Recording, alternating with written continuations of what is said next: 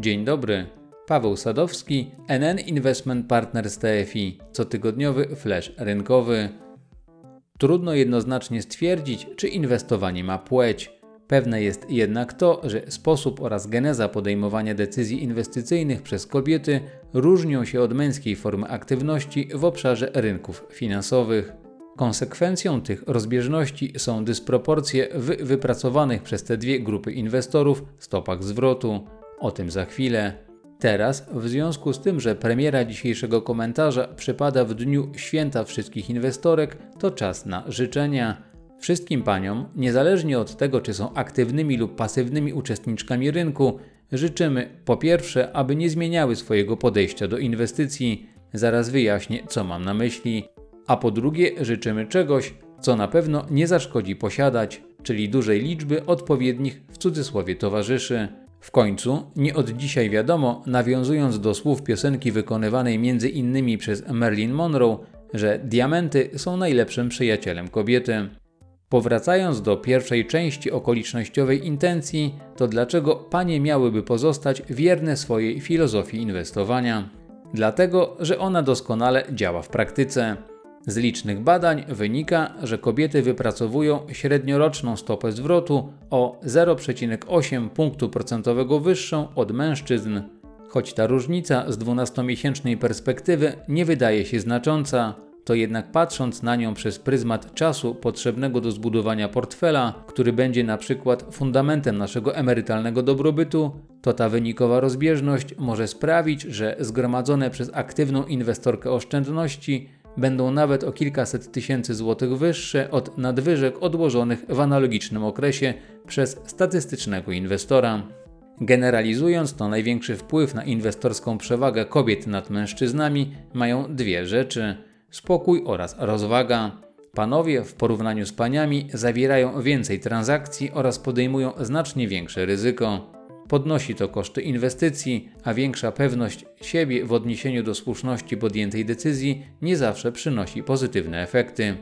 Przechodząc teraz do obecnego środowiska inwestycyjnego, to uwagę wszystkich uczestników rynku przykuwa od pewnego czasu zachowanie obligacji skarbowych, których ceny znajdują się pod presją, a kierunek ich zmian nie pozostaje bez wpływu na wyceny innych klas aktywów.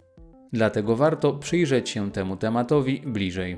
Przyczynkiem do przeceny na rynku długu było dyskontowanie przez inwestorów odreagowania gospodarczego, które jednocześnie może oznaczać wzrost inflacji. Oczywiście dynamika spadku cen, zwłaszcza papierów amerykańskich, mogła robić wrażenie, ale należy również pamiętać, że ich rentowności nadal znajdują się na historycznie niskim poziomie. Z tego powodu gwałtowne spadki indeksów akcji, innymi w USA, dla których zapalnikiem przeceny okazała się wyższa dochodowość dziesięcioletnich papierów skarbowych od stopy dywidendy z akcji, można by uznać za przesadzone.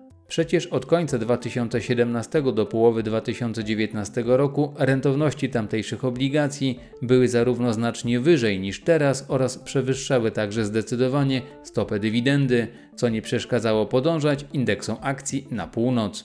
We wspomnianym okresie z przejściowymi przecenami akcji mieliśmy do czynienia na początku 2018 roku, gdy rentowności zbliżyły się do poziomu 3%, oraz gdy ten poziom przekroczyły pod koniec tegoż roku. Obecnie dochodowość amerykańskich obligacji dziesięcioletnich znajduje się w okolicach 1,5% i trudno zakładać, aby w najbliższym czasie miała wzrosnąć do poziomów obserwowanych 3 lata temu. Dlaczego? Nie należy zapominać o tym, że Fed nie może pozwolić sobie na nadmierny wzrost kosztów obsługi długu, więc dalece prawdopodobne wydaje się wdrożenie w przyszłości programu kontroli krzywej dochodowości, który będzie ograniczał zasięg spadku cen tamtejszych papierów skarbowych. Jeżeli chodzi o zachowanie funduszy dłużnych, dla których inwestycyjnym fundamentem są obligacje skarbowe, to poprzedni miesiąc nie należał do udanych.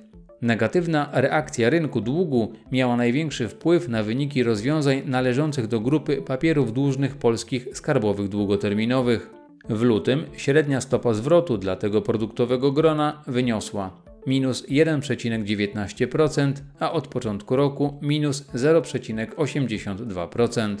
Jeżeli chodzi o wyniki funduszu NN obligacji, to pomimo tego, że we wspomnianych okresach także przyjęły one wartości ujemne, to wyróżniały się jednak pozytywnie na tle średniej. W perspektywie miesiąca minus 0,67%, a od początku roku minus 0,16%.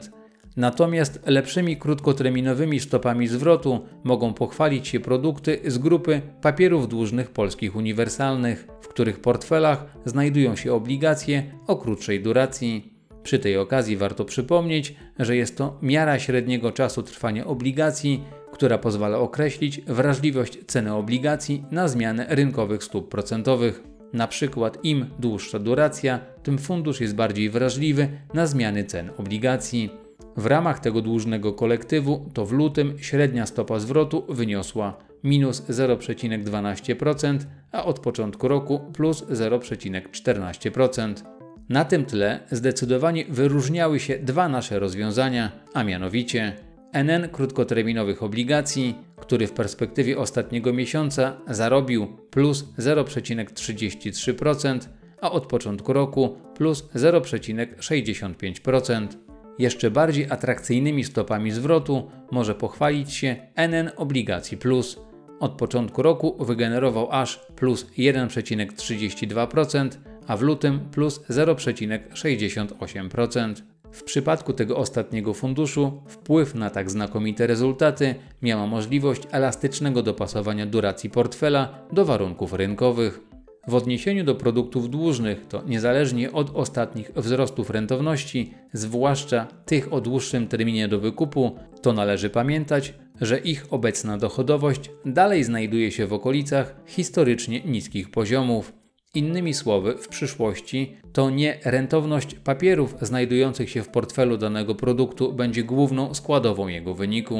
Stopa zwrotu będzie przede wszystkim determinowana przez tzw. Tak alfę dostarczaną przez zarządzającego.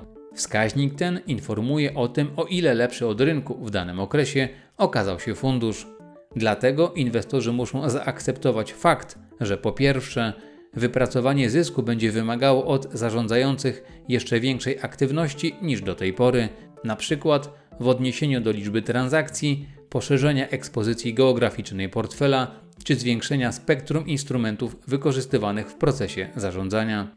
A po drugie, w nawiązaniu do tego, co przed chwilą powiedziałem, to warto spróbować zmienić i wydłużyć sposób patrzenia na ewentualną podwyższoną zmienność cen obligacji, która może występować w przyszłości.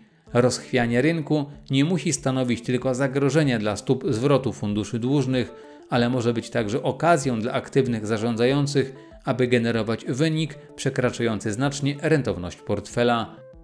To tyle na dzisiaj i do usłyszenia.